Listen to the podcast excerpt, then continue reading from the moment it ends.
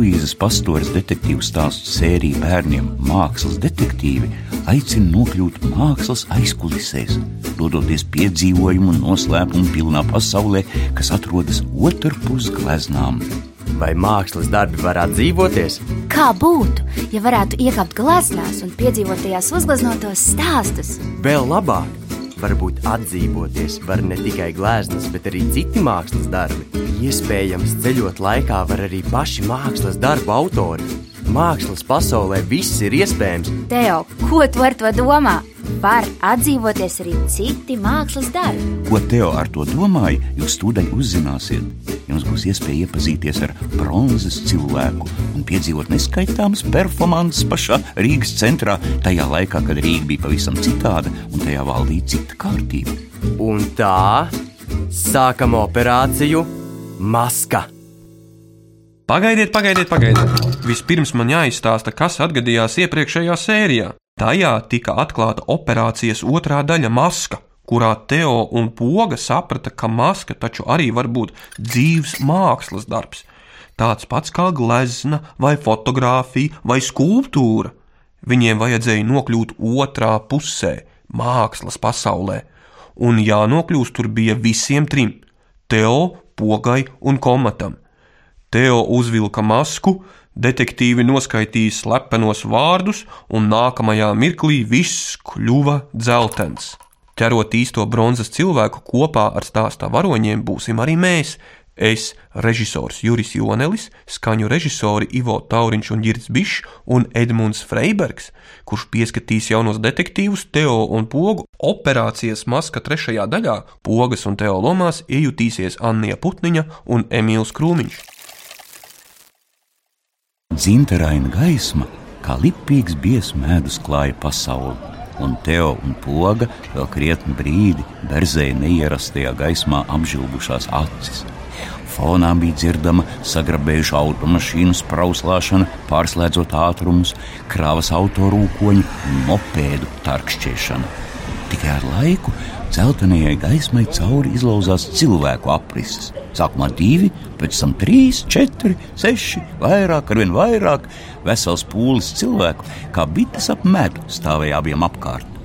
Zeltenais žilbonis atkāpās, un Teo un Poga piepeši attapās uz ielas, kaut kur pilsētā, milzu pūļu ielenkumā. Kas tā par statuju, ko? Zvērpiega kārina raķetes astes vēl vakar tāds nebija. Kas tad no? Jauns vadonis parādījās. Oh, staigāju statuju. Cilvēki galvas grozīdami brīnījās un ar pirkstu nekaunīgi rādīja uz Teo un iztrūkās, ka Teo sakustējās. Es zinu, amerikāņi atbraukuši. Importa cilvēks pie mums saveduši. Jūs vēl redzēsiet. Šī tāda mūģa, trīs simtiem apkārt staigās. Teo mēģināja pūlī saskatīt kādu mūdzi. bet tur bija tikai tantes sarauktām pierēm, zem puķainiem lakatiņiem un nokrāvušās ar mezglotiem tīkliņiem, pilniem piena un cukuru paku un tirgu sapirku ziedu. Krāsotāji, smēķis mutē košļādami notašķītos tērpos un no avīzēm izlocītām laiviņām galvā un citi ļaudis. Daži izbrīnītām sejām, citi mutes ar plaukstām piesaguši, slēpa nicīgu smīnu. Taču tādi amerikāņi izskatās, ja? Spīdīgi gadu pēc vēl spīdīgi kā imports žurnāli. Es? Viņi domā, ka es esmu amerikānis. Poga savā košajā kleitā uz apkārtējo vienkārši tērpto ļaužu fona izcēlās kā mākslīga roze puķpļavā. Viņi kniksēja savu firmas sveicienu uz visām pusēm, tomēr pūļa skatieni nenovēršami atgriezās pie Teo. Beidzot! Beidzot, es nevis pogas uzmanības centrā! Dziļdomīgi klusēdams, Teo nostājās varonīgi cēlā pozā un lūkojās tālienē.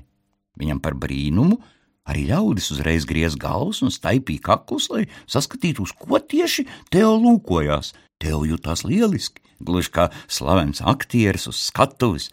Tad viņš izdomāja rotaļu, pacēla roku izstiepa rādītāju pirkstu un nu, sastinga, it kā norādīdams uz kaut ko konkrētu, nu, piemēram, pāri ielai esošo veikalu Rīgas modes, lai viņi nedomā, ka Teo ir kaut kāds mūdzis. Šāda izskatīsies nākotnes mode. Pūļa skatieni tūlīt sekoja. Ļaudis druģaini meklēja, ko viņam rāda. Pēc dažām sekundēm viņš strauji pagrieza roku pretējā virzienā.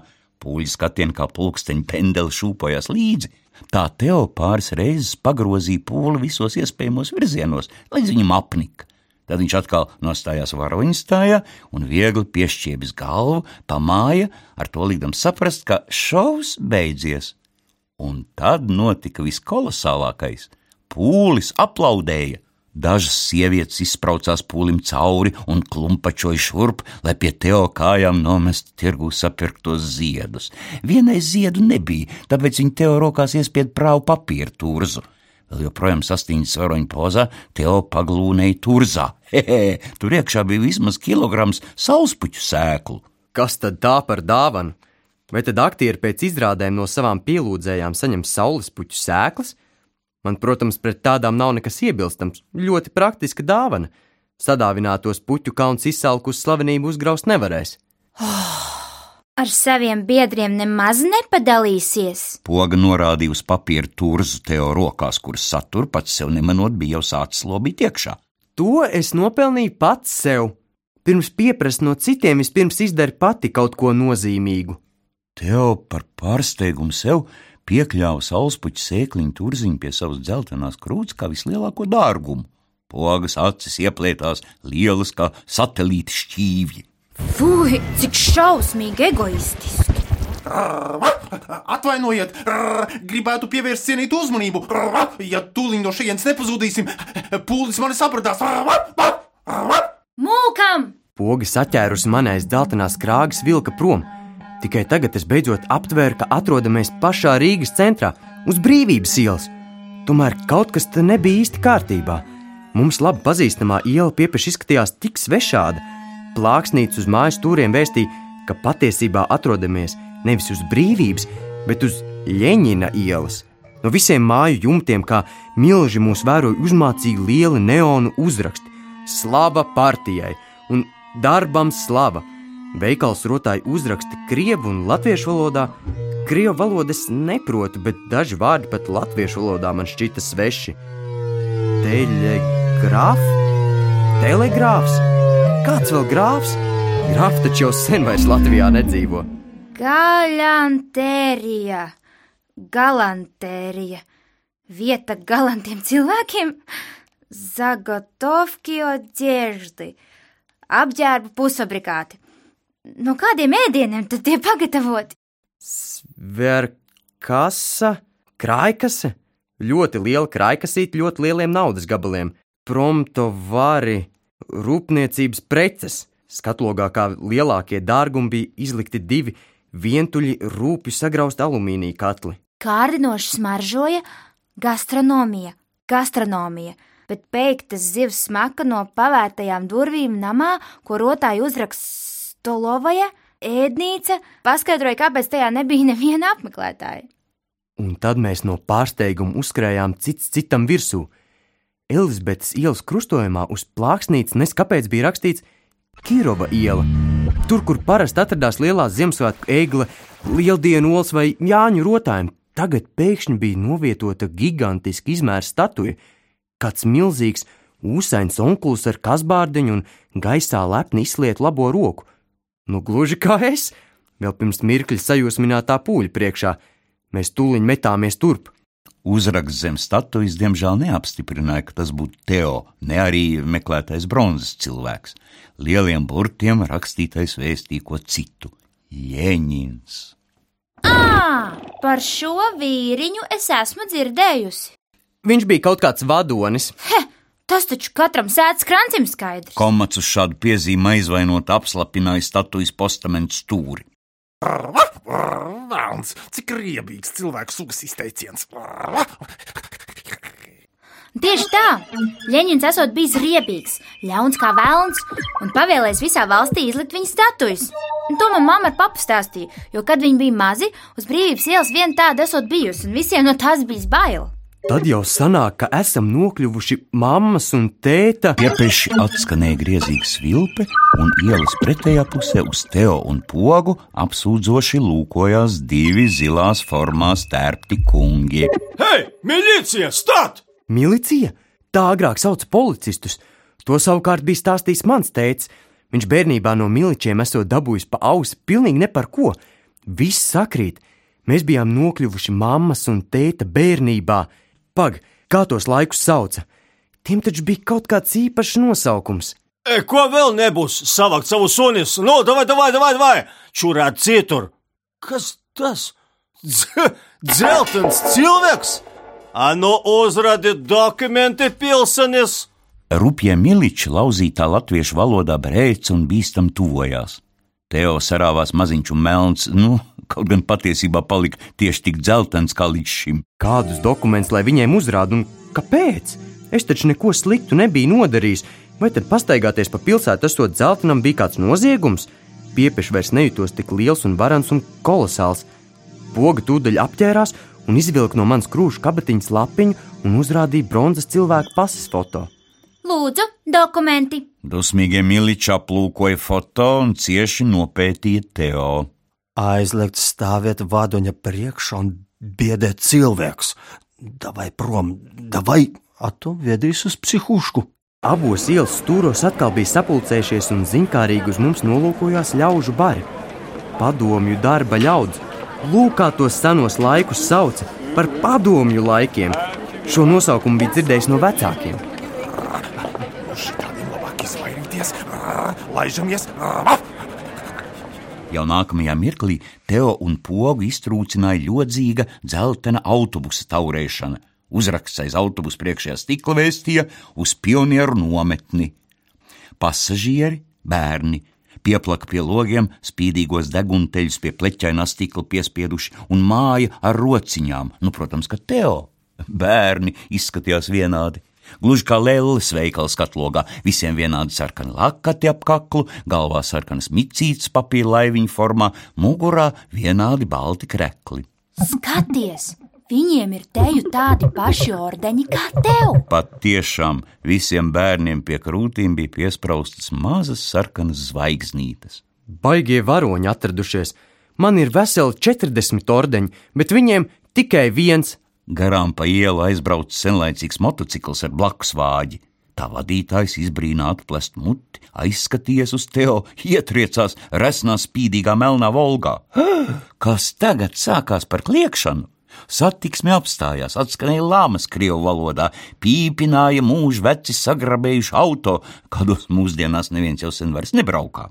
Moskvičs, Nīvas, Gaziks un Vaziks. Tos visus biju redzējis motormuzejā. Neciešamajā trobelē poga saķer galvu. Arī man sāka griezties galva. Ielas pretējā pusē no koka galotnēm laukās braucās pieci tukli apaļi kupoli - baznīca. Tieši tas, kas vajadzīgs. Vismaz tur būs miers un klusums. Virs pareizticīgo katedrāles durvīm gozējās uzraksts Planetārija. Planetārijas, cik savādi. Cik sev atceros, baznīcās vienmēr ir tikai un vienīgi baznīca. Dažās pat ir aizliegti jebkādi mūzikas koncerti, kur nu vēl šādi zvaigžņu vērošanas centri. Varbūt viņi tādā veidā debesīs ierauga dievu? Poga nekavējoties spraucās baznīcā, tas ir planetārijā, uz kāpnēm laipodam starp garmatainu, garās šallēs ievīstītu jauniešu bariņiem. Viņai atkal izrādījās taisnība. Baznīcas iekštelpās uzgājām dievu, precīzāk sakot, nokļuvām kafejnīcā ar nosaukumu Dieva auss, nelielā sānu kapelā, tādā kā ausī pie baznīcas apaļās galvas. Uz kurien tās attaisījušies? Lai ietu kafejnīcā, jāsamaksā. Bieziem stikliem brīļota, barga kundze aiz kases lodziņa paziņoja un norādīja uz planetāriju izcenojumu dēli. Ieejas maksa kafejnīcā, kur tas redzēts? Teo un pogas sastinga. Kāds mazs puisēns no rindas pie kases pieklājīgi uzrunāja Teo. Vai tu esi marsietis? Kurš? Kurš? Marsieši neeksistē. Citādi padomju kosmonauti viņus jau sen būtu atraduši. Tāpat kā dievu. Tu neredzi? Onkulis ir planetārija gids. Brīļotā kases tante cieši samiedza acis un nopētīja mani. Ah, jaunais gids beidzot atbraucis. Ejiet iekšā, direktors jūs jau sen gaida. Mēs nekavējoties izmantojām izdevību un ieslīdējām kafejnīcā. Vēl pēdējo reizi uzmetu ašu skatienu mazajam puisēnam. Viņš man kādu tik ļoti atgādināja, tik līdzīgs nu gluži kā no tēta bērnības fotografijām. Vai tiešām varētu gadīties, ka man pārskrēja augsti šermuļi no domas vien, ka es varētu būt nejauši saticies pats ar savu tēti bērnībā? Dieva ausī bija patumšs, un kā jau to varētu iedomāties, ja jāklausās visu pasaules iedzīvotāju lūgšanās un sūdzībās ļoti skaļi. Cilvēki te muģēja kabies, sēdēja pat viens otram klēpī, visi oriģināli un izmeklēti tērpti, tā ka spilgti atšķirās no gluži vienādi saģērbtiem ļaudīm, ko Teo un Poga bija satikuši uz ielas. Gaisā burbuļoja balsu murdoņa, smaržoja pēc kafijas, svaigi ceptām smalkmaizītēm un stipru papirosu un cigarešu dūmiem. Te nu nepavisam neizskatījās pēc baznīcas. Esmu izsalcis. Nekad vēl nebija ēdis baznīcā. Gluži mans valdoklis. Komats aizrautīgi luncināja asti, un rīdams siekals jau kampa gaisu pie kafejnīcas letes. Tur bija visādu varoņu kūkas, Napoleona kūka, Aleksandra kūka, Valerīnas Pavlovas kūka, ja nu tikai bronzas cilvēka kūkas te vēl trūka. Poga pasleps rādīja, kūciņas maksāja vismaz 20 kapeikas. Bet mums nav naudas. Tādu kapeiku mums makā nav. Teo kaut kas iešāvās prātā. Negaidītā bravūrā viņš pastiep savu dārgo turziņu bufetnieces virzienā. 20 salspuķu sēklu. Sieviete, omulīgi iespīlējusies baltā priekšautā, balti cirtotiem matiem zem baltas laiviņa veida galvas segas, pārsteigti palūkojās vispirms uz saules puķu turziņu, tad uz Teo. Biedri poli, kas jums atkal prātā? Biedrs polis? Es, es, es mainu sauju saulespuķu sēklu pret kanēļu bulciņu un glāzā bolsulas. Egoists! Tu par biedriem vispār nedomā. Trīs kanēļu bulciņas un trīs glāzes abolsulas. Bufetniece draudīgi salika rokas sānos. Poļa kungs! Ak, miervaldis polis atkal taisa performanci. Tāņa, nu ļaujiet viņam, kur tad vēl citur, ja ne pie jums ausī? Bufetniece no galdiņa puses pārtrauc sievietes balss. Kāda žilbinoša, skaista, tumša, cirtota sieviete, melni izkrāsotām acīm, melnā cepurē un garā, plandoša melnā kleitā, tabakas dūmu mākoņa un draugu pulciņa apvīta šarmanti pamāja pārdevējai. Man vienalga, kas tā performance par zvēru. Vai jūs domājat, ka mākslinieki var pārtikt tikai no gaisa vien? Kādam šīs sēklas būs jāizpērk par īstu naudu biedreni tabaka? Bufetniece Tāņa tomēr uh, samiernieciski ielēja Teo un pogai bronzas sulu.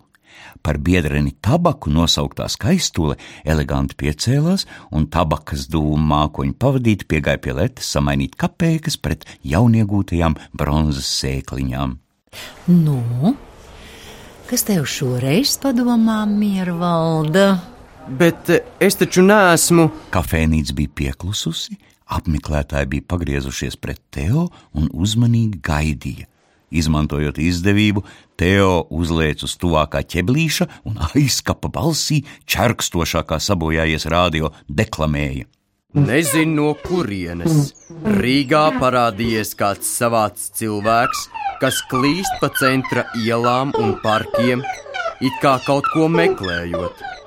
Nekur viņš ilgi neuzkavējas, līdz nonācis pie kāda paaugstinājuma, uz tā kā uz piedestāla, pamazām sastingst mūžīgā pozā.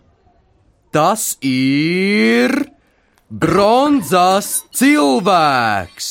Teo, protams, tūdaļ sastinga, it kā uz mūžīgiem laikiem būtu kļuvis par statuju, līdzīgi kā tas, nu, briesmīgais Ļeņins uz Ļeņina ielas, un gaidīja skatītāju reakciju. Daži saprotoši pamāja ar galvu, citi aizgūtnēm smējās, bet kāds vīriņš tālākajā kaktā mazām šaudīgām acīm visus nopētīja un kaut ko steidzīgi ieskricelēja piezīmi grāmatiņā. Teo nokāpa no ķeblīša un pats sev uzsit uz pleca. Šito es labi izdarīju, jo neviens cits šo varno uzstāšanos tik un tā nespētu novērtēt tā, kā es pats. Atradies pasaules centrs!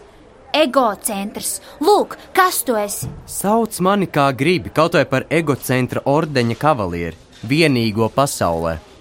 Tu, tu un atkal tu.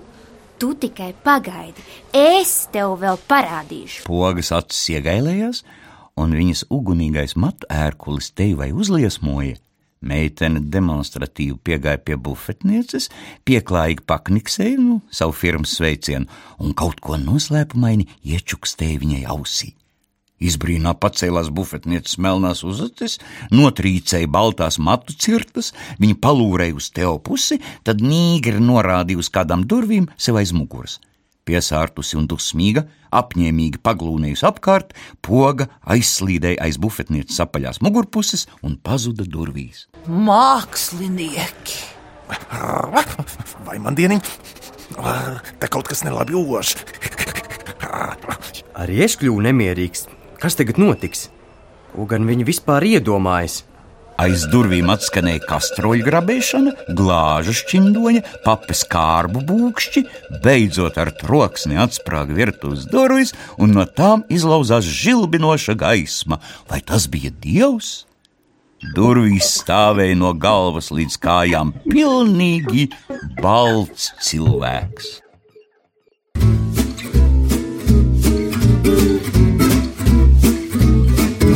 Jūs dzirdējāt Luīzes Pastores sērijas mākslas detektīvu stāsta Maska trešo sēriju. Pogas un Teo lomās iejutās Anna Putniņa un Emīls Krūmiņš. Jaunos detektīvus pieskatīja Edmunds Freibergs. Otrā pusē, jeb mākslas pasaulē, lomas ierunāja Baiva Broka, Laila Kirmuška, Girts Krūmiņš, Edgars Lipors, Krišānis Eglīte, Māra Eglīte un Kristaps Ķeselis režisors Juris Jonelis, skaņu režisori Ivo Tauriņš un Girts Bišs. Radio variantu veidoja Laima Matuzāle, producente Māra Eglīte. Latvijas radioteātris 2018. gads.